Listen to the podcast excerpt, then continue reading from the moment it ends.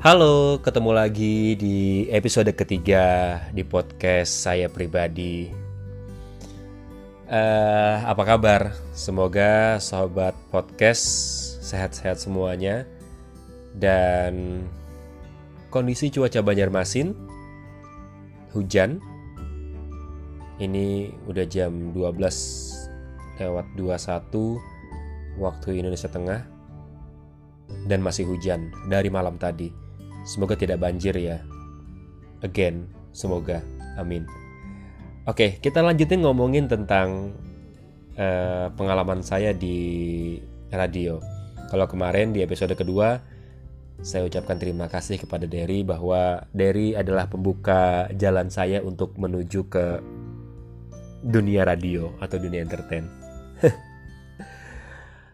terima kasih Derry sekali lagi. Oh iya, setelah uh, tag podcast di episode kedua, akhirnya saya coba kulik-kulik Instagram dan nemu loh Instagramnya Derry. Alhamdulillah, dia masih kerja di bank dan uh, belum kontak-kontakan juga.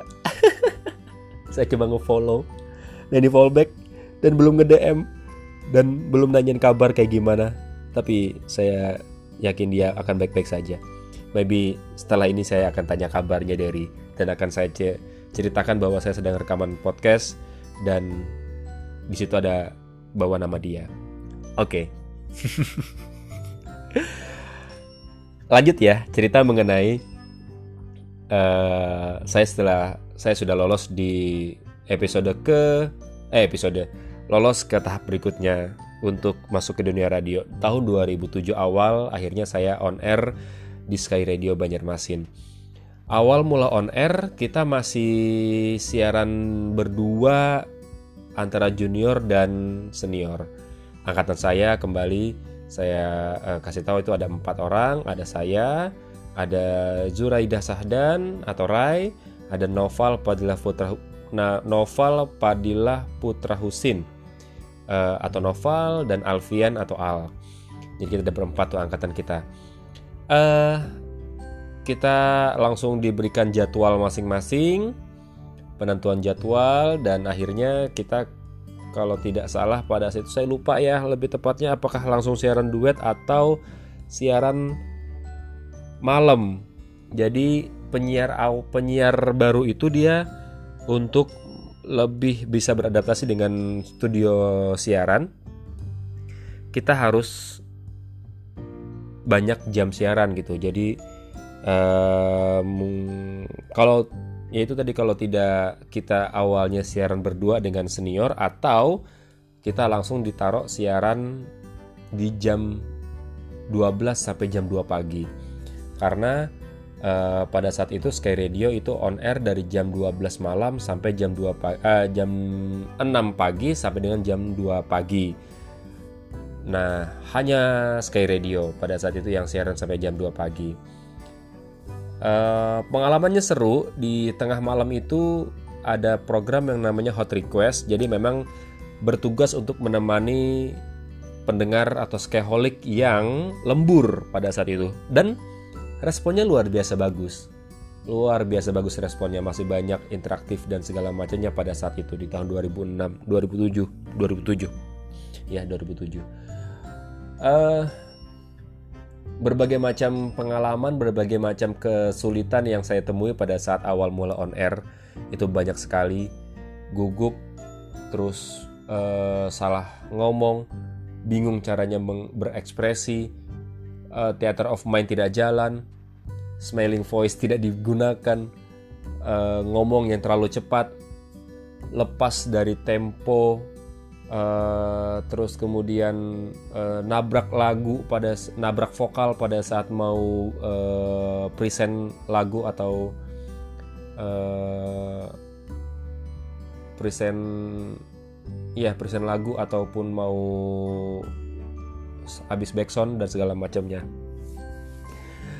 Ya dibilang gampang jadi penyiar kedengarannya gampang. Tapi ternyata susahnya minta ampun. Susahnya minta ampun. Sangat sangat susah. Kita harus multitasking. Uh, monitor ada dua. Satunya buat baca SMS atau cari materi siaran. Satunya buat fokus untuk uh, list lagu. Uh, kemudian tangan standby di mouse sebelah kiri sebelah kanan standby untuk mixer. Naik turun kan uh, naik turun uh, lagu.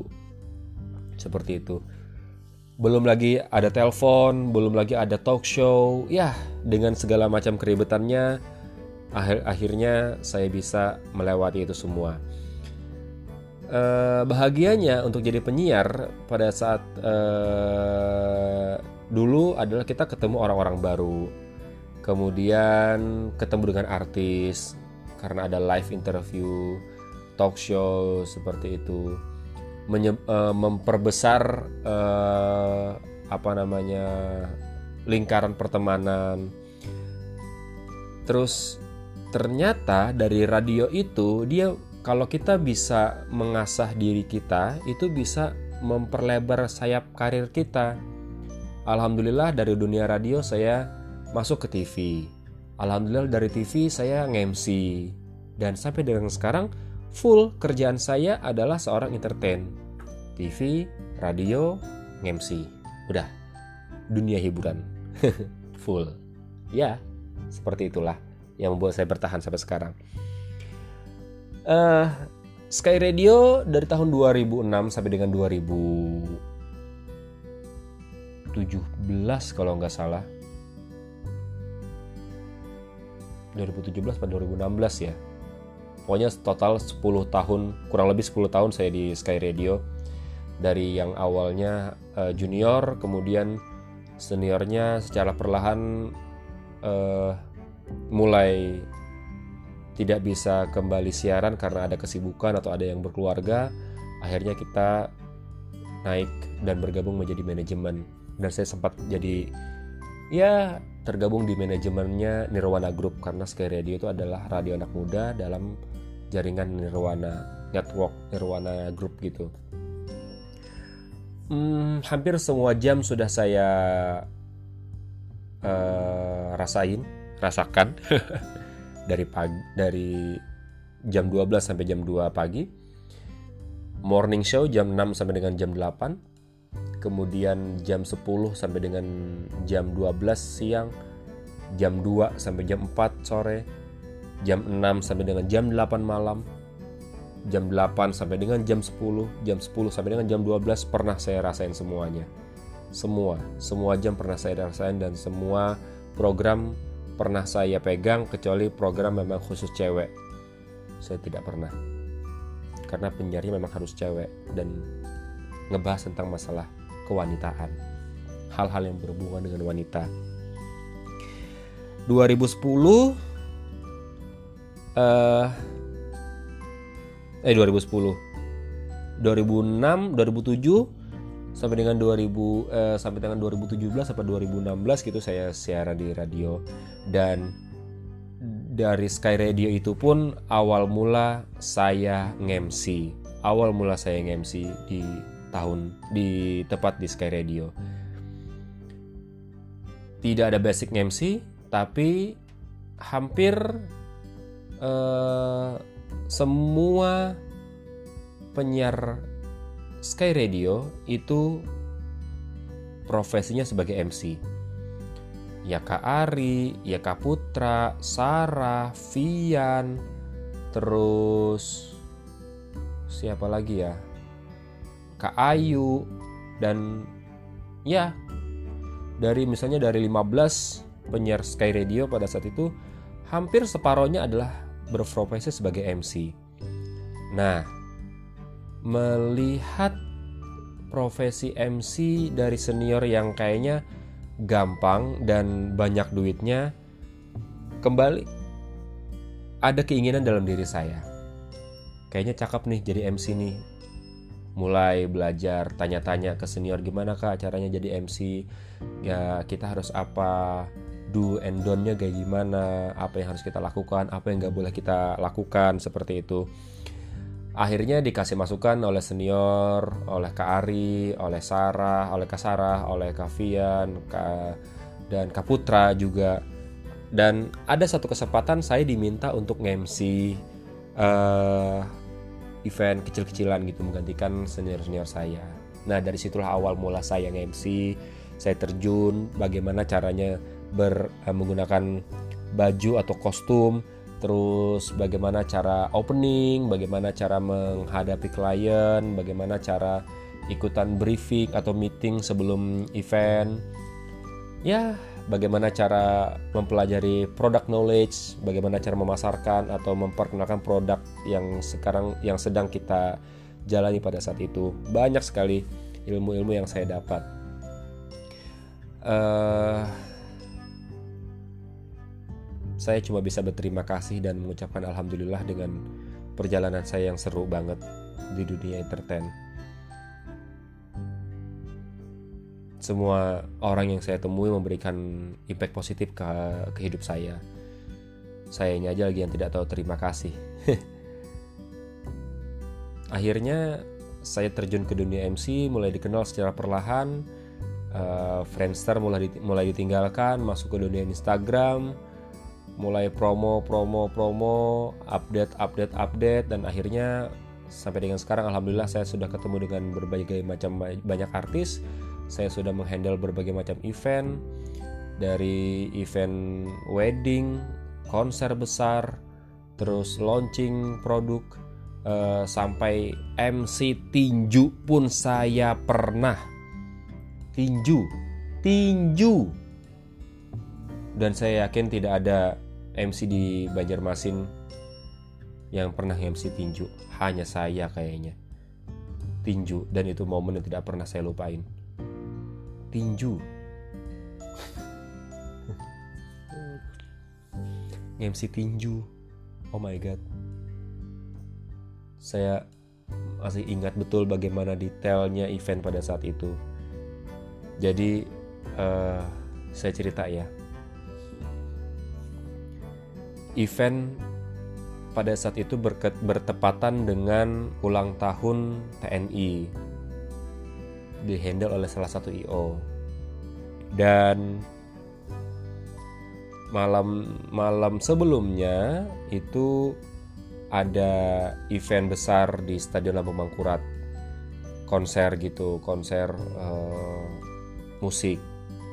Selesai dan kemudian IO nya kembali menghubungi saya. Mas bisa nggak untuk nge-MC acara uh, besok nih di Siring saya bilang acara apa? Masih rangkaiannya ulang tahun TNI oke. Acaranya seperti apa? Acara tinju. Tinju saya bilang. Iya acara tinju. Mas tinggal buka aja kok. Nggak MC secara full MC tinjunya. Oke seperti biasa ya. Saya tapi saya nggak pernah loh nge-MC tinju. Ya nggak apa-apa. Kayak biasa aja. nge-MC opening seperti biasa. Oke. Deal harga dan kita mulai pada saat itu momen yang nggak bisa saya lupain adalah saya dijewer oleh panitia dari TNI saya MC dijewer literally dijewer oleh TNI. Karena apa? Karena saya telat. Kenapa saya telat? Karena miskomunikasi dengan IO. IO bilang jam 8 jam jam 8 kita mulai uh, jam 8 atau jam 9 kita mulai ya. Oke. Okay. Ternyata jam 7 saya sudah dicari saya itu masih siaran pada saat itu masih ada masih ada jadwal siaran saya bilang setengah delapan nggak apa-apa ya uh, ada di uh, apa namanya di tempat acara. Ya nggak apa-apa kita mulai jam 8 kok sekitar jam 9 gitu. Tidak tahunya jam 7 sudah mulai rame. Karena itu acaranya HUT TNI dan pertama kali event atau tinju di atas tongkang di atas sungai Martapura. Kebayangkan gimana tinju gitu loh di atas sungai. Untuk pertama kali mungkin Oke. Dan akhirnya di telepon saya tidak saya tidak telat, saya tidak telat karena memang pada saat itu mulainya juga jam 8. Miskomunikasinya adalah mungkin uh, pihak panitia ini mengira saya juga dari tim IO yang mana saya harus ngurus semuanya gitu padahal kan tidak saya cuma MC yang memang ya seperti itulah. Akhirnya gitu di telepon di mana? Saya sudah di lokasi pak. Di mana? Di sini pak. Cepat ke panggung sekarang. Oke saya ke panggung. Ketemu di Jewer. Kamu tuh telat ya ini nih pak. Katanya jam 8 enggak saya bilang jam 8 panitianya IO nya pak enggak kita jam 7 sudah mulai. Jam 7 sudah mulai. Maghrib juga baru kelar. Sampai situ pun gak langsung mulai. Duduk di atas tongkang gabung sama wasit tinju atau juri tinju. Akhirnya kita opening. Tinju yang mana seru sih seru banget. Seru banget. Dan saya cuma pasrah pada saat itu oke okay, ini menjadi momen yang nggak bisa saya lupain. MC tinju.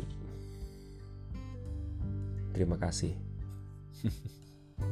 Kalau ada tawaran mau? Tidak. Tidak. Tidak saya tidak mau. Kenapa? Nggak tahu. Bingung. Nggak mau. Pokoknya nggak mau. Titik skip ya. Ngemsi tinju. Terus saya juga pernah ngemsi uh, roadshow gitu. Salah satu rokok merek rokok terbesar.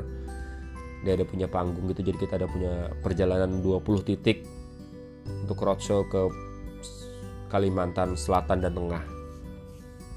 Satu bulan di perjalanan ngejar pasar malam. Yang namanya duitnya kalau di total ya banyak ya. Oke-oke aja sih. Dulu berapa sih budget nge-MC ya dari 250 dari 150 200 400 500 yang paling gede banget tuh 750 gede banget di tahun-tahun itu ya sekarang ya alhamdulillah sudah lebih tinggi daripada itu alhamdulillah. Proses ya. Dan masih terus belajar sih. Harapannya jangan terlalu cepat puas masih terus belajar untuk uh, memperbaiki. Karena masih banyak kekurangan. Masih nggak bisa tuh kayak MC MC yang lain masih sering salah-salah masih sering nggak fokus masih sering uh, bingung pada saat ngehandle event gitu. Tapi semuanya proses. Perlu waktu lah ya. Untuk yang mau jadi MC semangat ya. Jangan pantang menyerah jangan mudah oh jangan cepat puas karena yang namanya dunia entertain dunia hiburan itu berkembangnya cepat sekali berubahnya cepat sekali. Kalau kita tidak bisa e, beradaptasi kita akan ketinggalan. Jadi kita harus update terus nih. Makanya makanya saya tidak pernah meninggalkan dunia radio. Kalau bisa sih tetap terus siaran karena update ilmunya di situ. Belajar ngomong setiap hari. Gitu seru dunia entertain terima kasih untuk orang-orang yang selalu memberikan ilmu memberikan penawaran kepada saya dan dipercaya untuk memandu acaranya atau diminta untuk menjadi MC semoga kebaikan selalu menyertai Anda-Anda semua. Terima kasih. Cukup ya, sobat podcast. Nanti kita ketemu lagi di episode berikutnya. Ngebahas apa? Ya belum tahu. Apa aja deh pokoknya. Karena ini podcast saya pribadi.